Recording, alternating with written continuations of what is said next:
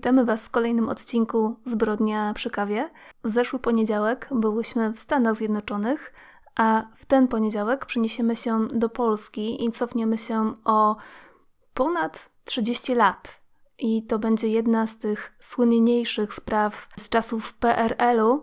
Jeżeli powiem sprawa Połaniecka, to pewnie większości z Was zapali się lampka w głowie i będziecie na pewno kojarzyć, o jakiej sprawie dzisiaj będę mówiła. Dotyczy ona morderstwa młodego małżeństwa 18-letniej Krystyny i 25-letniego Stanisława oraz brata Krystyny, Mieczysława, który miał zaledwie 12 lat. Ta sprawa to obraz tego, jak bardzo hermetyczne potrafią być małe miejscowości, gdzie każdy każdego zna, ale też większość mieszkańców jest ze sobą spokrewniona. Na podstawie tej sprawy połanieckiej powstał bardzo ciekawy reportaż Wiesława Łuki pod tytułem Nie oświadczam się, wydany po raz pierwszy ponad 30 lat temu, a jakiś czas temu odświeżony przez Juliannę Jonek i Mariusza Szczegła pod szyldem wydawnictwa Dowody na istnienie. Jest to wnikliwie przedstawiona historia tego, co wydarzyło się w nocy z 24 na 25 grudnia 1976 roku, a także tego, co działo się przez prawie półtora roku na sali sądowej, na której miał okazję być i widzieć wszystko, słyszeć wszystko. Autor książki Nie oświadczam się Wiesław Łuka, który pisał na łamach tygodnika Prawo i Życie serię reportaży właśnie z sali sądowej i dokładnie opisywał, co zeznawali świadkowie, jakie historie były przedstawiane podczas tych zeznań podczas tych spotkań, a są to naprawdę bardzo ciekawe zeznania. To wszystko jest zawarte w tej książce. Autor, tak jak wspomniałam, oddaje głos właśnie mieszkańcom z Rębina oraz świadkom potwornego zdarzenia z 24 grudnia. I to spisane dosłownie słowo słowo niekiedy zeznania z sali sądowej, co sprawia, że książka momentami jest bardzo trudna odbiorze, bo nie dość, że przedstawia bardzo ciężką zbrodnię, gdzie giną trzy młode osoby, to jeszcze też sam język, którym posługują się rozmówcy, jest momentami dość karkołomny. Nierzadko też przy tym ci ludzie mówili bardzo chaotycznie, trochę niezrozumiale. Też dzięki temu możemy sobie zobaczyć, trochę poznać, wyobrazić, jak to życie w tamtych czasach w Zrębinie wyglądało i jak wyglądały te powiązania, czyli kto z kim, jak, gdzie i kiedy. I tutaj a propos tej książki mamy dla Was bardzo dobrą wiadomość, mianowicie taką, że tę książkę dwie osoby będą mogły otrzymać na własność. Będzie ona u nas do wygrania i tak naprawdę niewiele potrzeba, żeby tą książkę otrzymać. Pojawi się ona w poście konkursowym na Facebooku i na Instagramie. A jedyne, co wy będziecie musieli zrobić, żeby ją otrzymać, to udostępnić nasz post, otagować nas u siebie, udostępniając ten post.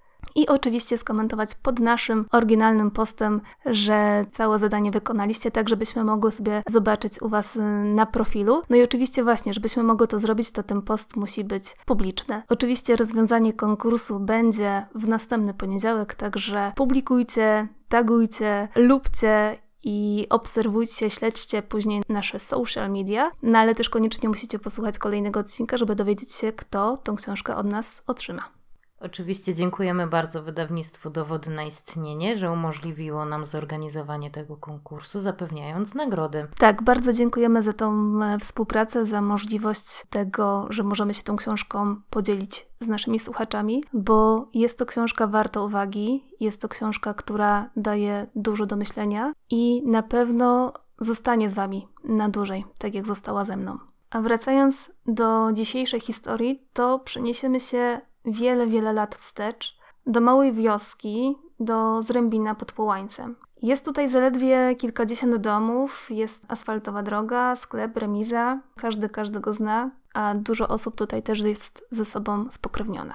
Spokrewnione były też ze sobą rodziny głównych bohaterów tej historii, ofiar i morderców. I zacznę od przedstawienia jednej z głównych postaci, czyli Jana Sojdy, bo to właśnie on był prowodyrem i najważniejszym trybikiem, który doprowadził do tego, że w nocy z 24 na 25 grudnia doszło do potrójnego morderstwa członków tak naprawdę jego rodziny, którego świadkami było aż 30 osób, a żadna z nich tak naprawdę nie zrobiła nic, żeby w tamtym czasie pomóc mordowanym ludziom. Jan Sojda nazywany był potocznie w Zrębinie królem Zrębina, bo był najbogatszym i najbardziej wpływowym gospodarzem w okolicy. To był człowiek, z którym każdy chciał żyć dobrze, bo jako jedyny posiadał ciągnik, który chętnie pożyczał, za odrobek oczywiście. Miał też jako jedyny telefon, co w tamtym czasie było naprawdę sporym luksusem, nawet w miastach nie w każdym domu czy w każdym mieszkaniu taki telefon był, ale też w Zrębinie nawet sołtys nie posiadał telefonu. W reportażu Wiesława Łuki chwali się Jan Sojda, że ludziom we wsi wyrywał chore zęby, że umiał robić zastrzyki, co było też wysoko cenione ze względu na to, że do najbliższego lekarza było nierzadko kilka kilometrów. Ale on był felczerem, czy po prostu to robił, bo umiał? Po prostu to robił, bo umiał. Był na jakichś praktykach, ale też miejscowy lekarz go tego nauczył właśnie w takich szybkich wypadkach, gdzie lekarz jest niedostępny, to zawsze Sojda w razie czego niósł taką pomoc. I rzeczywiście mieszkańcy z Rębina chętnie i często z tego korzystali.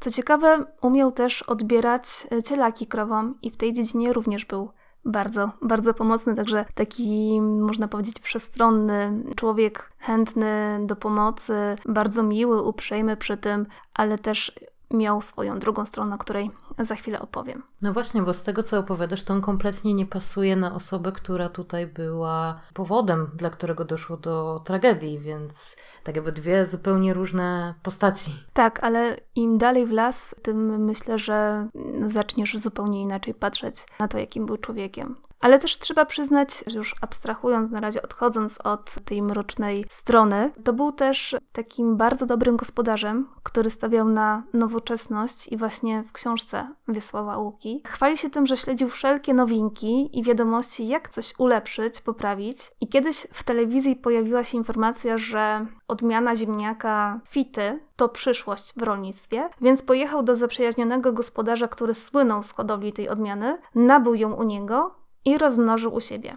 A następnie, jak na taką wspaniałomyślną i dobrą osobę, bezinteresownie podzielił się tą nową odmianą ziemniaka, która dawała świetne plony i mieszkańcy z Rębina chętnie z tego korzystali. Jak wspomina Jan Sojda, nie miał lekkiego dzieciństwa. Jego ojciec przemocą wypracowywał sobie posłuszeństwo u syna i być może też stąd fakt, że w niektórych sytuacjach Sojda wykazywał brak empatii, ale też brak jakichkolwiek skrupułów, bo na przykład kiedyś chciał odkupić psa sąsiadów tylko po to, żeby rozpróć mu brzuch i udowodnić, że ten zjadł mu kury. Ta historia była w różnych źródłach przedstawiana przeróżnie, bo raz to był jego pies i on rzeczywiście rozpruł mu ten brzuch, żeby pokazać, że zjadł kury, a w innym przypadku zabrał po prostu bez pytania psa sąsiadów, żeby im udowodnić, że ten pies podbierał mu kury i je zjadał i rzeczywiście w brzuchu były widoczne pióra i pazury. Więc ta historia, jakkolwiek nie zostałaby przedstawiona, i tak muszę przyznać, że mnie przynajmniej szokuje. I tutaj przechodzimy do kolejnej cechy Jana Sojdan, mianowicie do tego, że był bardzo mściwym człowiekiem.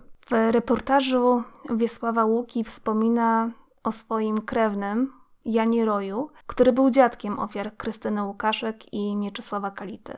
Mimo, że zapewnia o ich ciepłych stosunkach, to jednak rodzina Sojdów była od lat skłócona z rodziną Rojów i każdy w Zrębinie, ale też w okolicach o tym wiedział. Taką poważną ością niezgody była historia z czasów, gdy król z Rębina, czyli pan Jan Sojda, miał zaledwie 20 lat, może trochę mniej, i został oskarżony o zgwałcenie dziewczyny, z którą pracował w polu. A Jan Roy, który w tamtych czasach był działaczem polskiej partii robotniczej i członkiem ochotniczej rezerwy milicji obywatelskiej, został przez milicję obywatelską zobowiązany, by z jej funkcjonariuszami doprowadzić Jana Sojdę do aresztu. No i Sojda został skazany na 8 miesięcy więzienia, które odsiedział, ale nigdy tego nie zapomniał. I tak dwa lata po aresztowaniu, gdy wyszedł już dawno na wolność, na terenie jego obejścia, w tajemniczych okolicznościach, zginął syn Jana, dziesięcioletni Marian. Podobno znajomy Sojdy strzelał do psa, ale niechcący trafił chłopaka, zabijając go na miejscu. I tutaj podejrzane było to, po pierwsze, że broń należała do Sojdy, po drugie, że to Sojda ją przeładował i dał ją swojemu znajomemu, no a po trzecie sam fakt, że wszystko wydarzyło się na ziemi Jana Sojdy. Znajomy Sojdy, który strzelał, dostał wyrok w zawieszeniu, a niedługo potem zginął w wypadku samochodowym, tak naprawdę zabierając tajemnicę, co się wydarzyło tego dnia do grobu. Lata później, po tym zdarzeniu, konflikt między rojami a sojdami nieco przygasł, a rodziny jako tako żyły ze sobą, powiedzmy w cudzysłowie, w zgodzie. Wciąż była wyczuwalna rywalizacja między Janem Rojem a, a Janem Sojdą, ale mimo wszystko te rodziny jakoś ze sobą funkcjonowały, żyły na tyle w zgodzie, że w sierpniu 1976 roku, gdy odbywało się wesele Krystyny Kality i Stanisława Łukaszka, rodzina Sojdów została na to wesele zaproszona. Jak się później okazało, w trakcie tego wesela doszło do sytuacji, która, choć tak naprawdę bardzo banalna, stała się zarzewiem nowego konfliktu i powodem do tego, żeby w Bożonarodzeniową noc odebrać trzem młodym osobom życie. A chodzi dokładnie o to, że Zdzisława Kalita, czyli mama Krystyny i Miecia, umówiła się z siostrą Sojdy, Heleną Adaś, że ta pomoże w kuchni na weselu. Miała za zadanie uszykować ciasto, bigos i mięso na klopsy, a w zamian za to Zdzisława miała jej zapłacić półtora tysiąca złotych i dać dwa półmiski wędlin dla robotników, którzy remontowali jej dom. Jednak podczas przyjęcia inna pomoc kuchenna zauważyła, że Adasiowa wykrada mięsa i wędliny i to w znacznie większych ilościach niż było wcześniej umówione. Gdy siostra Sojdy została skonfrontowana z tą informacją, że podkrada jedzenie, przez co może tak naprawdę zabraknąć tego jedzenia dla gości, obraziła się i wyszła jeszcze przed północą.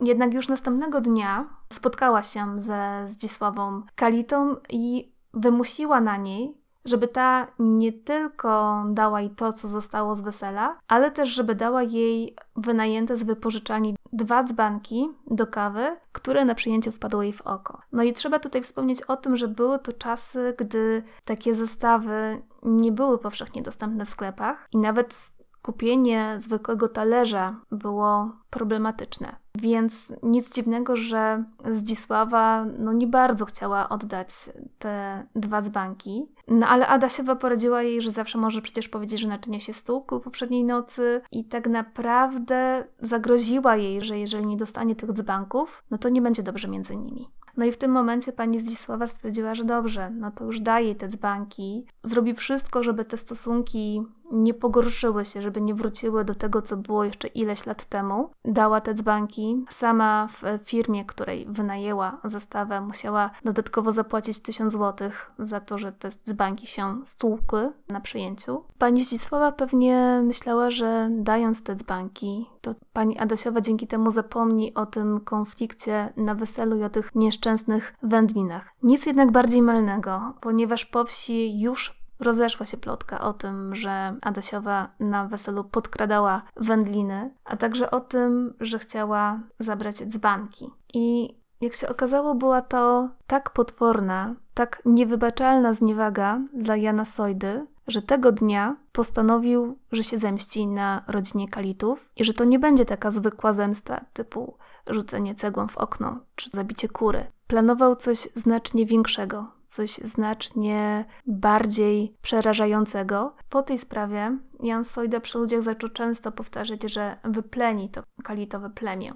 I zemstę planował przez kilka miesięcy, a dzień, jaki sobie wyznaczył, to nie był przypadkowy.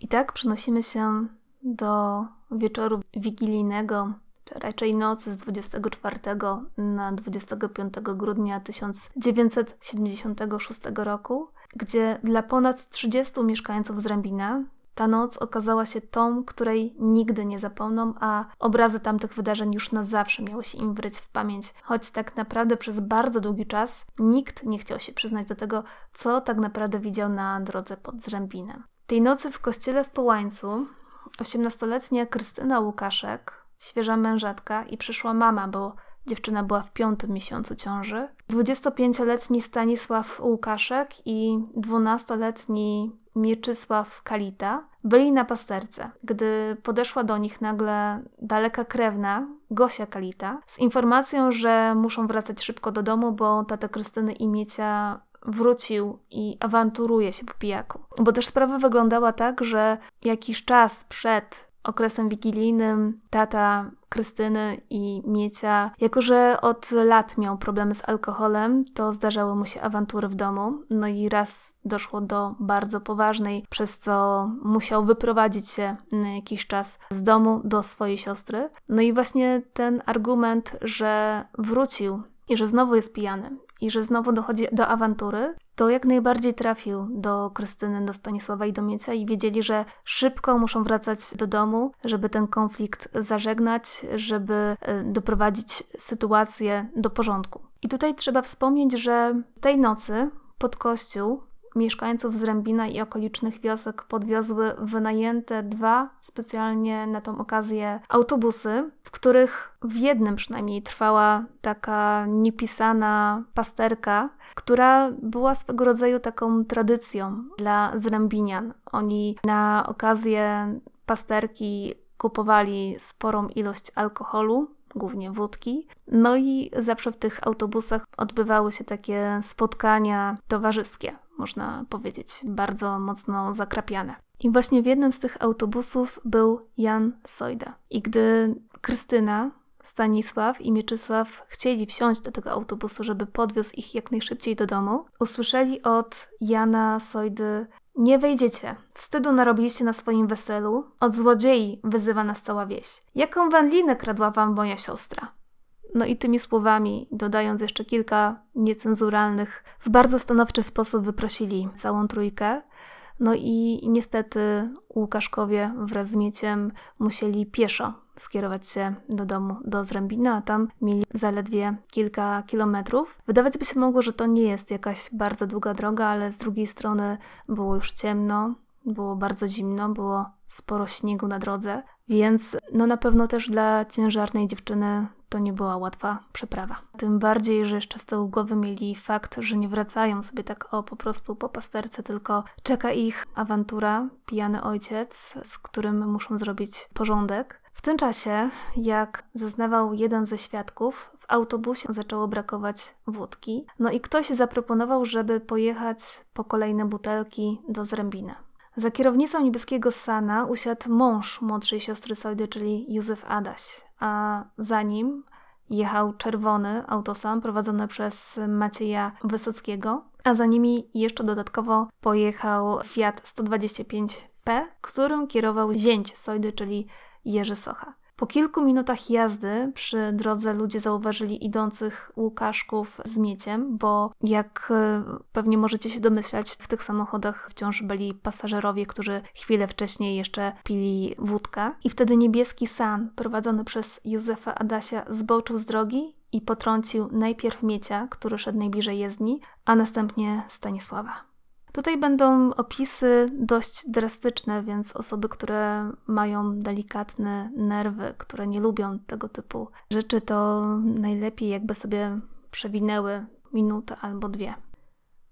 Najbardziej po tym potrąceniu ucierpiał chłopiec, który miał połamane nogi i nie mógł się ruszyć. Świadkowie zeznawali, że Stanisław i Krystyna, będąc zapewne w szoku, od razu podbiegli do chłopaka, który nie mógł się podnieść, ale też musiał potwornie cierpieć, bo zaczął krzyczeć z bólu, płakać i wzywać pomocy. Jeszcze wtedy też w jednym z autobusów ktoś zaczął krzyczeć, że potrzebna jest pomoc i że trzeba wezwać pogotowie. Te głosy jednak bardzo szybko zamilkły, gdy jedne z drzwi zostały zamknięte i zablokowane, a w drugich stanął szwagier Sojdy, czyli Stanisław Kulpiński, który no, był bardzo postawnym mężczyzną i na pewno budził respekt. Jednak zanim drzwi zostały zablokowane, to kilku osobom udało się wydostać z pojazdu i wśród nich był Henryk Witek, jeden z oskarżonych później o składanie fałszywych zeznań. W tym czasie, gdy drzwi zostały zablokowane, a Kulpiński stanął przy drugich, żeby żaden z kolejnych pasażerów nie wydostał się na zewnątrz, to Józef Adaś wyciągnął z jednego z tych autobusów około 60-centymetrowy ciężki żelazny klucz w kształcie litery S do reperowania kół i razem z Sojdą rzucili się na Stanisława, który po kilku uderzeniach w głowę i szyję osunął się na ziemię, tracąc na chwilę przytomność. Widząc to, Krystyna zaczęła uciekać w pole. Jednak, jak nie trudno się domyślić, to ciężarna, zmarznięta, no i przerażona młoda dziewczyna nie miała najmniejszych szans z dwoma rosłymi i jeszcze w sile wieku mężczyznami. Szybko została dogoniona przez Jana i Józefa. No i gdy ci zaczęli ciągnąć ją za włosy, ta zdążyła jeszcze krzyknąć: Wujku, zabiłeś mi męża i brata. Zostaw chociaż mnie mojej matce. Jednak ci, głusi na błagania osiemnastoletniej dziewczyny będącej, przypomnę, w piątym miesiącu ciąży, kolejno zadawali ciosy raz w głowę, raz w szyję, tym samym ciężkim kluczem, którym chwilę wcześniej skatowali jej męża. Wszystko to działo się w słabym świetle latarki, którą z ciekawości skierował w stronę ciemnych sylwetek Henryk Witek. Też dzięki temu tak naprawdę pasażerowie, którzy wciąż jeszcze pod wpływem alkoholu znajdowali się w tym autobusie, mogli dokładniej zobaczyć całą scenę, która rozgrywała się kilka, kilkanaście metrów od nich. Po kilku chwilach Krystyna, nie mająca żadnych szans na to, żeby się uratować, pada zakrwawiona na śnieg. Mężczyźni, czyli Jan Sojda i Józef Adaś, zabierają jej ciało w pobliżu autobusów, tam dobijają żyjącego jeszcze męża dziewczyny, miażdżąc mu czaszkę kilkoma solidnymi uderzeniami. No i tak naprawdę pozostaje jeszcze przy życiu Mieczysław, dwunastoletni chłopak, który wciąż płacze z przerażenia i z bólu. Jego wujek razem z zięciem przeciągają chłopca na środek jezdni, gdzie obok czeka już za kierownicą Fiata drugi zięć, czyli Socha. I kierowany przez stojącego naprzeciwko Sojdę powoli rusza, a jego zadaniem jest najechać kołem na głowę dziecka. Trwa to chwilę, po tym jest już po wszystkim. W tym czasie stłamszeni, przerażeni i wciąż jeszcze pewnie trochę pijani pasażerowie autobusu nie robią nic. I to jest też bardzo szokujące, że byli tak zastraszeni przez Skulpińskiego, tak może zszokowani całą sytuacją, że po prostu stoją i patrzą na to wszystko, co się dzieje. Kulpiński jeszcze im grozi, że jeżeli cokolwiek będą próbować zrobić, będą próbowali wyjść, to stanie im się dokładnie to samo. Co jest może trochę niezrozumiałe, to to, że przecież mają przewagę liczebną. I tak naprawdę, gdyby chcieli, gdyby wspólnie zdecydowali się coś zrobić, to mieliby pewnie szansę powstrzymać to całe zdarzenie uratować ludzkie życia. Bo co trzeba wspomnieć, to to, że wśród nich byli partyjni aktywiści, był sołtys i był nawet członek ochotniczej rezerwy milicji obywatelskiej. Ale tak naprawdę nikt nie zrobił nic. W jednym z artykułów znalazłam wzmiankę o tym, że w autobusie ludziom grożono pistoletem, jednak nie udało się tego przełożyć na dowód procesowy. I mimo tego, że w trakcie toczącego się procesu właśnie ten członek Ormo przyniósł ten pistolet jednemu z milicjantów, to nie zostało to dołączone do akt, nie zostało to potraktowane jako dowód. Bo tak naprawdę w tej sprawie też Trzeba wspomnieć o tym, że podczas procesu świadkowie, którzy byli wielokrotnie zastraszani, przekupywani, bardzo często zmieniali swoje zeznania. I tutaj też być może było to kłamstwo z tym grożeniem pistoletem, a być może nie. Tego chyba już pewnie nigdy się nie dowiemy. Przyznam szczerze, że jestem zszokowana okrucieństwem, które tutaj zaszło, bo to wszystko bardzo, bardzo szybko eskalowało od zwykłych gruźb do bardzo okrutnego morderstwa. Zwłaszcza to, co spotkało biednego Miecia, to jest po prostu jakiś horror, to jest zezwierzęcenie, żeby w taki sposób znęcać się najpierw nad nim psychicznie, że on widzi, co się dzieje, nie może się ruszyć, nie może uciec, a potem powoli tak naprawdę zmierza ku śmierci i widzi, co go czeka. Ja sobie nie wyobrażam, co to dziecko musiało przeżyć. No powiem szczerze, że nie jeden seryjny zabójca, psychopata nie miał tyle okrucieństwa do swoich ofiar, co, co tutaj ta grupa mężczyzn. No tak, dlatego pewnie ta sprawa jest tak szokująca. Po pierwsze, powód, dlaczego w ogóle doszło do, do tego zdarzenia, moment, kiedy do niego doszło, czyli 24 grudnia, Wigilia. I fakt, że całą tą akcję zaplanowano tak, żeby wydarzyła się na oczach tych świadków, no to nie mieści się w głowie. To jest, tak jak wspomniałaś, no takie bestialskie morderstwo, które poraża brakiem jakichś emocji. To wszystko było po prostu tak zaplanowane po kolei. Ty później ty, później ty. No nie mieści się to w głowie i pewnie słuchanie o tym na żywo, bo myślę, że pan Wiesław Łuka, który pisał te reportaże, musiał je nieco okroić, e, zwłaszcza z tego okrucieństwa, które i tak przebija się na stronach jego książki. No to ja nie jestem teraz nawet w stanie tego skomentować, bo nie będę ukrywać, że ta sprawa budzi we mnie spore emocje, bo no jest to taka kompletnie bezsensowna śmierć i to chyba fakt, że nikt nie zareagował, nie, nic nie zrobił, ale to też psychologia tu mu na pewno zadziałała, więc może po prostu nie ma co rozprawiać, tylko opowiem, co wydarzyło się dalej. Gdy było już po wszystkim, Sojda kazał pasażerom przejść do autosana, który stał obok, a w tym czasie trzy ciała zostały przeniesione do niebieskiego sana. Gdy wszyscy świadkowie byli już w jednym miejscu, wydarzył się przedziwny rytuał. Mianowicie przysięga, która związała usta prawie 30 osobom na ładnych kilka miesięcy. Sojda wyjął różaniec z dużym drewnianym krzyżem i obrazek Matki Boskiej i unosząc je nad głową tak, by każdy dobrze widział, kazał powtarzać ze sobą słowa przysięgi, którą sam wymyślił. Jednak to nie był koniec na tych słowach się nie kończyło, bo zaraz potem wyciągnął agrafkę i kazał każdemu całować krzyż, a następnie po kolei przekuwał palec każdej osobie, żeby wszyscy uczestnicy tragedii swoją przysięgę przypieczętowali podpisem z krwi na białej kartce. Następnie wręczył każdemu po pliku banknotów i rozkazał wrócić do kościoła na pasterkę i postarać się zachowywać tak, żeby wszyscy widzieli, że byli na mszy, co ma dać oczywiście każdemu mocne alibi na czas morderstwa. I tutaj pewnie niektórym z Was rodzi się pytanie, dlaczego Sojda zaplanował morderstwo przy tylu świadkach? A chodziło o to, żeby podkreślić swój autorytet, że to on jest królem z Rębina i tak naprawdę to on ma realną władzę i każdy, kto się mu sprzeciwi w jakikolwiek sposób, poniesie tego konsekwencje.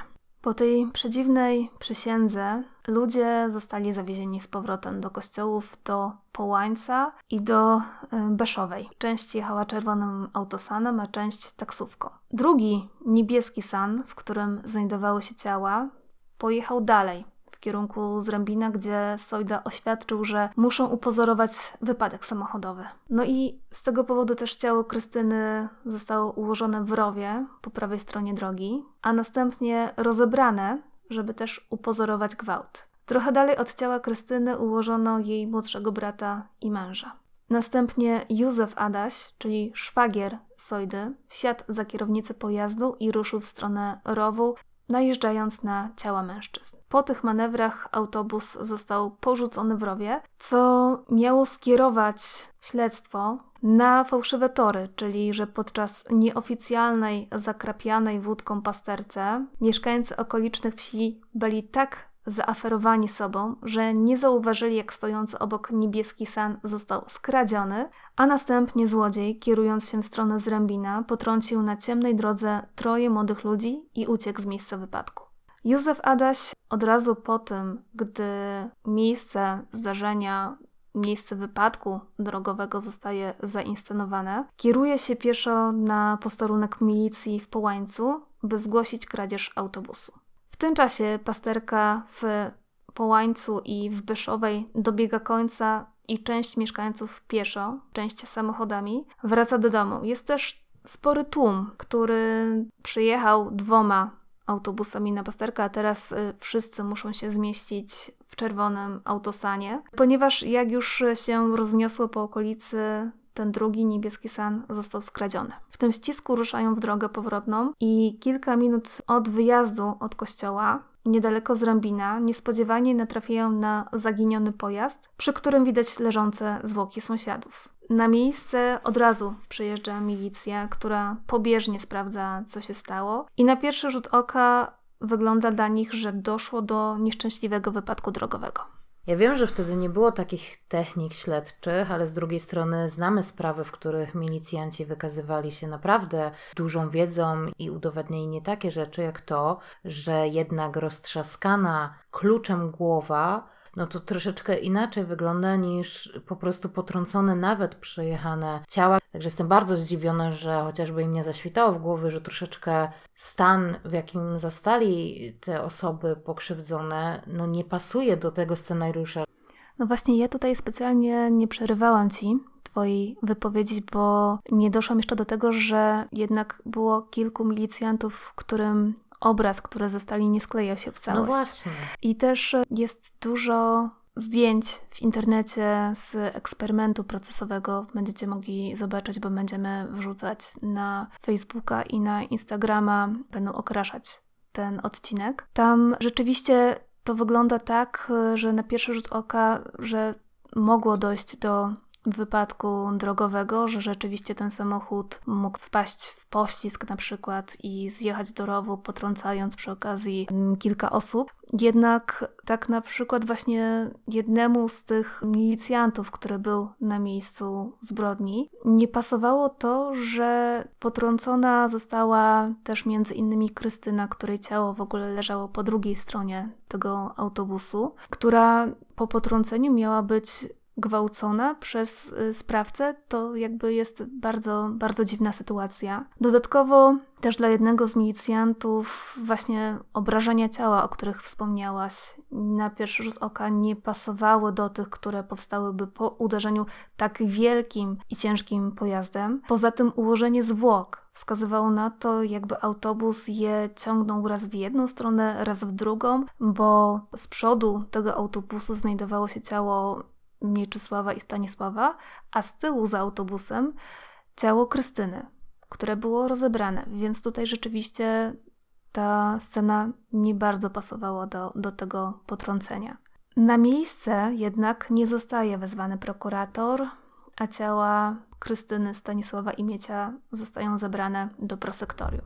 Tej nocy nie zostało też zabezpieczone żadne ślady wewnątrz niebieskiego sana, Pojazd stał niepilnowany przez kilka tygodni, a gdy w końcu został zwrócony do przedsiębiorstwa PKS, od razu skierowano go do kasacji, mimo że tak naprawdę był na chodzie, a uszkodzenia po wypadku nie były zbyt poważne, bo tam tylko chyba podwozie czy gdzieś tam z przodu coś było nie tak, ale tak naprawdę autobus był nawet w miarę nowy i, i wciąż jeszcze mógł jeździć. Sekcja zwłok została przeprowadzona bardzo pobieżnie, i to przez osobę, która odbyła szkolenie z przeprowadzenia autopsji na potrzeby sądu, ale nie przystąpiła do egzaminu. Więc nie była to osoba, która powinna tego typu badania przeprowadzać.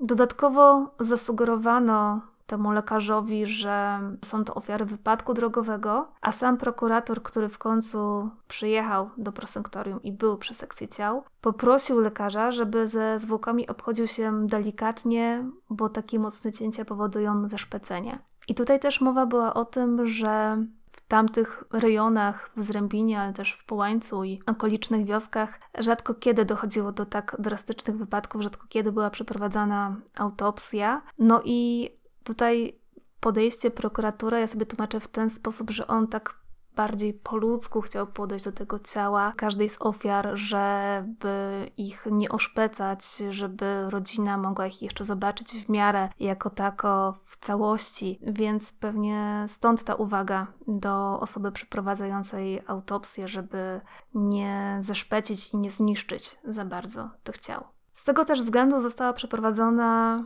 uproszczona technika sekcyjna, która nie wykazała, że mogło dojść do czegoś więcej niż do domniemanego wypadku drogowego. 25 grudnia Około godziny 8 rano do pana Wacława, czyli ojca Krystyny i Miecia, przyjeżdżają szwagier i brat z informacją, że jego dzieci zginęły poprzedniej nocy. Pan Wacław od razu jedzie na miejsce wypadku.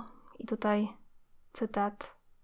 No tak, tym rowie śnieg wyżłobiony od ciepłoty główki mego syna. No tak, to jego krew. Mnie nie trzeba lekarza, żeby potwierdził, bo ja ojciec to wiem, co mego synka, a co nie mego. Mniej więcej w tym samym czasie, w tych godzinach porannych, roznosi się dalej wieść o śmierci Krystyny, Stanisława i Mieczysława i już nie tylko do rodzin zamordowanych. Pan Wacław chce zobaczyć ciała swoich dzieci, jednak do tego potrzebne jest mu pozwolenie od lekarza, które z początku nie dostaje, a to dlatego, że lekarka martwi się o stan serca pana Kality. Jednak za drugim razem podpisuje pozwolenie i gdy ojciec odwiedza prosektorium, to jest w szoku. No jest to dla niego bardzo trudne, ciężkie przeżycie. Jeszcze bardziej pewnie ze względu na to, że przecież poprzedniego dnia wszystko było ok.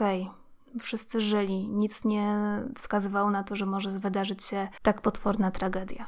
Małżeństwo Łukaszków i Miecio zostają pochowani jeszcze przed Nowym Rokiem, więc tak naprawdę bardzo szybko. I wydawać by się mogło, że sprawa została zamknięta, że był to po prostu wypadek drogowy i koniec. Ale w niedługim czasie po zbrodni 14-letni Stanisław Strzępek, chowając się pod oknem Józefa Adasia, zaczął krzyczeć: Bandyto, zamordowałeś kalitów. Mieszkańcy wybiegają od razu przed dom i widzą chłopaka Stasia Strzępka, który pochodził z takiej najbiedniejszej rodziny w Zrębinie. Oni byli znani z tego, że im się nigdy nie przelewało, chłopiec zawsze chodził brudny, głodny. Na dodatek e, jego tata miał problemy z alkoholem bardzo często był widywany pijany. No ale i tak, informacja o tym zdarzeniu trafiła do Jana Sojdy. Gdy ten się o tym dowiedział, postanowił wziąć chłopaka pod własne skrzydła.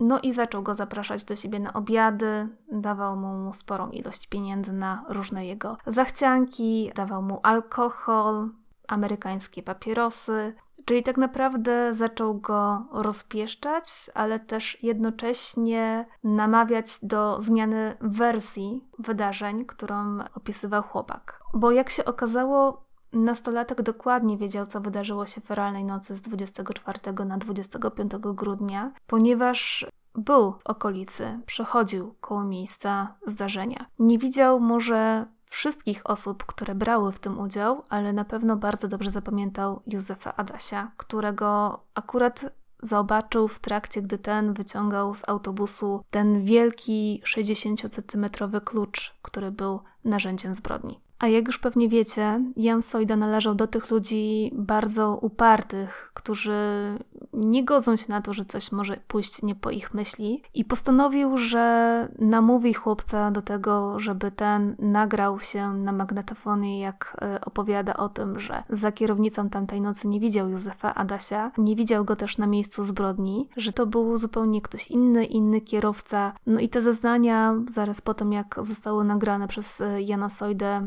ten zaniósł na policję jako dowód. Na szczęście ten dowód nie został przyjęty. Pewnie część z Was zastanawia się, a co na to rodzice Stasia. No więc oni zauważyli, że coś się dzieje złego z chłopakiem, coś jest nie tak. Tym bardziej, że pamiętają, jak ich syn zachowywał się po powrocie z pasterki tego 24 grudnia, że był przerażony, do nikogo się nie odzywał, nie chciał powiedzieć, co się stało, cały się trząsł. No i tej nocy, jak i przez kilka kolejne, nie był w stanie zasnąć przy zgaszonym świetle. Nic więc dziwnego, że widząc to nadmierne zainteresowanie chłopcem przez Jana Sojdę, rodzice zaczęli przeczuwać, że coś tutaj jednak jest nie tak i ponownie chcieli dowiedzieć się od Stasia, co, co się wydarzyło, co ten im nie powiedział, a wiedzą, że na pewno coś się wydarzyło tamtej nocy, coś niepokojącego, niedobrego. Gdy rodzice Stasia więc ponownie próbowali dowiedzieć się, co się wydarzyło tamtej feralnej nocy, chłopiec powiedział, że dobrze, że opowie, ale tylko przed sądem. Nie chciał powiedzieć zwłaszcza ojcu, a to dlatego, że bał się, że ten, jak się upije, to od razu rozpowie w całej wsi, że Stasiu mu przekazał e, informacje na temat tego, co widział tamtej nocy, że zacznie opowiadać każdemu napotkanemu o tej sprawie, no a tego chłopiec oczywiście jak najbardziej nie chciał. Jan Sojda w akcie rozpaczy proponował jeszcze, że kupi strzępkom nowe meble, że da im pieniądze na cokolwiek będą chcieli, dostaną też od niego krowę i tak dalej, tak dalej. No ci jednak stanowczo odmówili. I moim zdaniem była to bardzo odważna i godna podziwu postawa, bo po pierwsze byli bardzo biedni, byli najbiedniejszymi, e, najbiedniejszą rodziną w Zrębinie. Do tego cała wieś mimo że znała prawdę, to kryła Jana Sojdę i, i, jego rodzinę, bo ten budził tak wielki autorytet, ale też tak wielki strach. A do tego odmowa współpracy łączyła się też z tym, że teraz na pomoc tych najbogatszych gospodarzy nie mieli co liczyć, czyli nie będą mogli pożyczyć do roli ciągnika. Dodatkowo też ludzie w Zrębinie, ale też w okolicznych wioskach po prostu zaczęli się od strzępków odwracać, nie odpowiadać na dzień dobry, patrzeć z ukosa. Zdarzały się też akty rzucania cegłą w okno, zastraszania, że podpalą im dom i tak dalej. Bardzo podziwiam tą rodzinę, naprawdę uczciwi. No tak, ja też jestem pod wrażeniem tej postawy, bo tutaj Stasiu miał e, za sobą rodziców, którzy stali za nim murem, ojciec i, i matka. Ta presja ludzi z zewnątrz, tych mieszkańców z Rębina, musiała być naprawdę ogromna, też ten strach o własne życie. No i też niestety tej presji ale też podejrzewam, że alkohol się do tego mógł też przyczynić. Nie wytrzymał ojciec Stasia i popełnił samobójstwo jeszcze przed końcem śledztwa. Zanim jednak do tego doszło, to woził syna wraz z żoną na rozprawę, gdzie chłopak opowiadał, co widział, a raczej kogo widział, czyli na pewno Józefa Adasia. Zeznał również, że rodzina Sojdów próbowała na niego wpłynąć, dając mu pieniądze i mówiąc, co ma zeznawać. Na policję też zgłosił się kolejny świadek, Leszek Brzdękiewicz, który jako jedyny z tych 30 osób, które były w autobusie, wyłamał się z tej grupy zastraszonych. On mówił, że nie mógł sobie darować, że dał się wciągnąć w zmowę milczenia. Zeznał, że ofiary straciły życie z rąk Sojdy i jego szwagra Józefa. I tak naprawdę to dzięki niemu wiemy, co wydarzyło się minuta po minucie tamtej feralnej nocy na drodze między Połańcem a Zrębinem.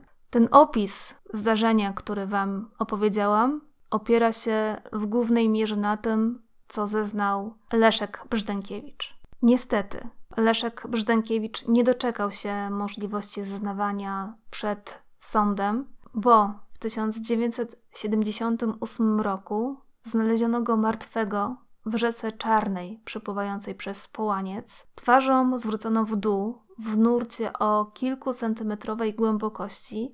No i chyba tutaj nie muszę wspominać, że jego śmierć wydała się wszystkim bardzo podejrzana, ale też dużo osób mówiło, że po prostu się upił, przewrócił, no i utonął. Chociaż dla mnie wydaje się, że do tej śmierci mógł się jednak ktoś przyczynić.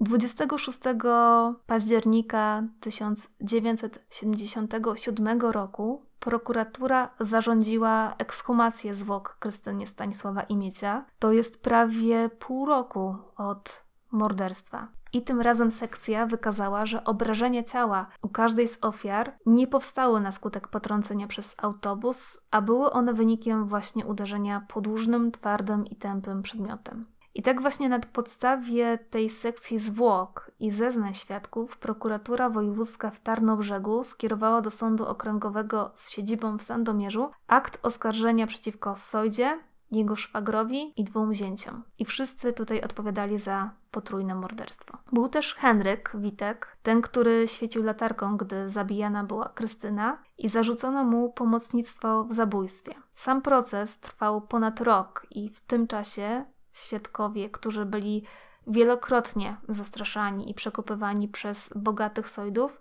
co chwilę zmieniali swoje zeznania. I to wszystko jest też bardzo przejrzyście wyraźnie pokazane w tej książce. Tam też jeden ze świadków opowiada, że pewnego wieczora wracał do domu, był może lekko pijany i nagle z za pleców wyskoczył ktoś, kto powiedział, że jeżeli nie zmieni swoich zeznań, bo wtedy zeznawał na niekorzyść Sojdy, to jeżeli nie zmieni tych zeznań, no to stanie mu się coś złego. Tak po prostu, prosto w twarz, bez ogródek. Był zastraszany, byli ci świadkowie manipulowani, przekupywani, bo mówi się, że rodzina Sojdów żeby przekupić świadków, wydała, i tutaj te kwoty się różnią, ale to jest od 200 tysięcy do 400 tysięcy. I na tamte czasy to były naprawdę gigantyczne pieniądze. Dochodziło też do takich sytuacji, że obrońca jednego z oskarżonych wniósł do sądu prośbę o to, żeby te zeznania świadków nagrywać na magnetofon, bo było tyle materiału i tyle tych zeznań, że łatwiej było sobie ten materiał przyswoić, zapisać na magnetofonie dla obrońców i dla prokuratury. Sąd na to przystał, ale później tą decyzję zmieniono i zakazano nagrywania na magnetofon, a to dlatego, że okazało się, że obrońcy wykorzystywali ten materiał, te zeznania świadków i puszczali je oskarżonym i ci dokładnie wiedzieli, kto co zeznał, no i mieli podstawę do tego, żeby do tej osoby pójść i żeby wpłynąć na jej zeznania, co skrzętnie wykorzystywali. Nic więc dziwnego, że sąd odczuwał swego rodzaju frustrację podczas takich rozpraw, gdzie świadek na milicji zeznał co innego, a przed sądem odwoływał swoje zeznania. Często też podczas tych zeznań Świadkowie mówili: Nie oświadczam się na każde zadane pytanie sędziego, a pod tym zdaniem kryło się to, że świadkowie po prostu odmawiali zeznań, nie chcieli odpowiadać na pytania. No i stąd też bardzo adekwatny tytuł książki Wiesława Łuki Nie oświadczam się. Książki, którą na pewno będę wszystkim gorąco polecać, bo po jej przeczytaniu możemy no, zagłębić się ten świat z Rębina i na chwilę przenieść się do sali sądowej. Ale tak jak wspomniałam wcześniej, no sędzia odczuwał tutaj dużą frustrację, no i też nic dziwnego, że dochodziło do bardzo wysokich kar pieniężnych, a nawet do aresztowań, i to nierzadko całych rodzin, gdy same upomnienia o to, żeby świadkowie mówili prawdę i tylko prawdę, nie pomagały. 10 listopada 1979 roku Główni oskarżeni, czyli Jan Sojda, Józef Adaś, Jerzy Socha i Stanisław Kulpiński zostali skazani na karę śmierci przez powieszenie, natomiast piąty, czyli Henry Witek, na 5 lat więzienia. Wyrok nie był prawomocny i trafił do Sądu Najwyższego, gdzie Adwokaci, czyli obrońcy w apelacji aż stustronicowej, wytknęli prokuratorom, milicjantom i sędziom nawet szereg błędów. Głównie to było wymuszanie od świadków zeznań pod groźbą aresztowania, ale też siłą, niedopuszczanie przed oblicze sądu świadków mogących wskazać nowe okoliczności itd. Tak Dużo tego było. Nawet dochodziło do takich sytuacji, to też jest opisane w książce Wiesława Łuki, że jeden ze świadków, gdy wracał pijany, to po drodze trochę się poprzewracał, w coś tam uderzył, także na następny dzień miał jakieś rany, zadrapania na twarzy, na rękach.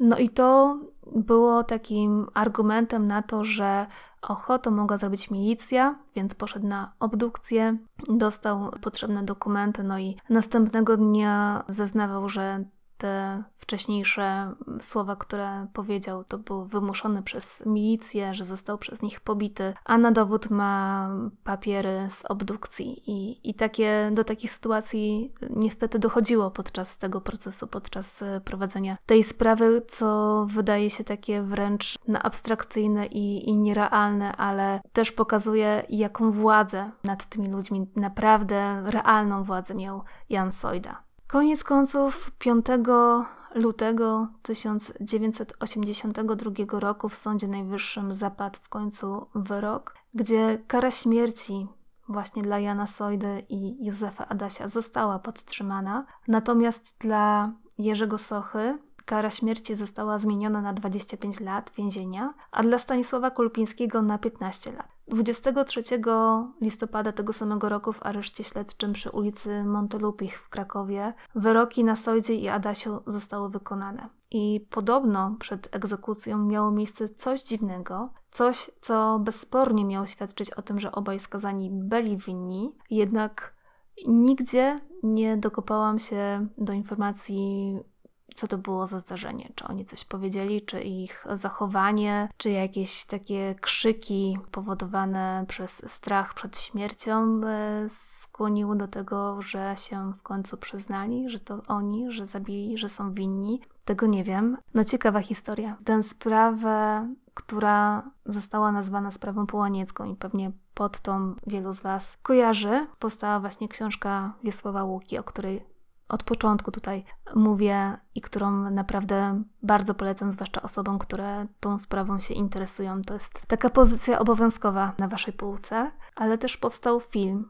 o bardzo wymownym tytule Zmowa na podstawie scenariusza Wiesława Łuki. Powstała też powieść pod tytułem Wśród nocnej ciszy, a także przedstawienie teatralne. Sprawa została również przedstawiona w serialu dokumentalnym Paragraf 148 Kara śmierci, w odcinku o tytule Wśród nocnej ciszy. Wzmianka o tej sprawie pojawiła się także w kryminałach Zygmunta Miłoszewskiego, czyli Ziarno Prawdy, a także powstał utwór polskiego zespołu metalowego zatytułowany Silent Night, Deadly Night. I tutaj o tej sprawie trzeba jeszcze powiedzieć, że jak bardzo silna była ta zmowa milczenia, jak wielką władzę miał Jan Sojda, mówią statystyki. I fakt, że wcześniej nie było w historii wymiaru sprawiedliwości sprawy, w której sąd ukarałby aż tyle osób za składanie fałszywych zeznań, za odmowę odpowiedzi lub nakłanianie innych do krzywoprzysięstwa. 18 świadków aresztowano pod tym zarzutem w trakcie śledztwa, 24 w czasie procesu.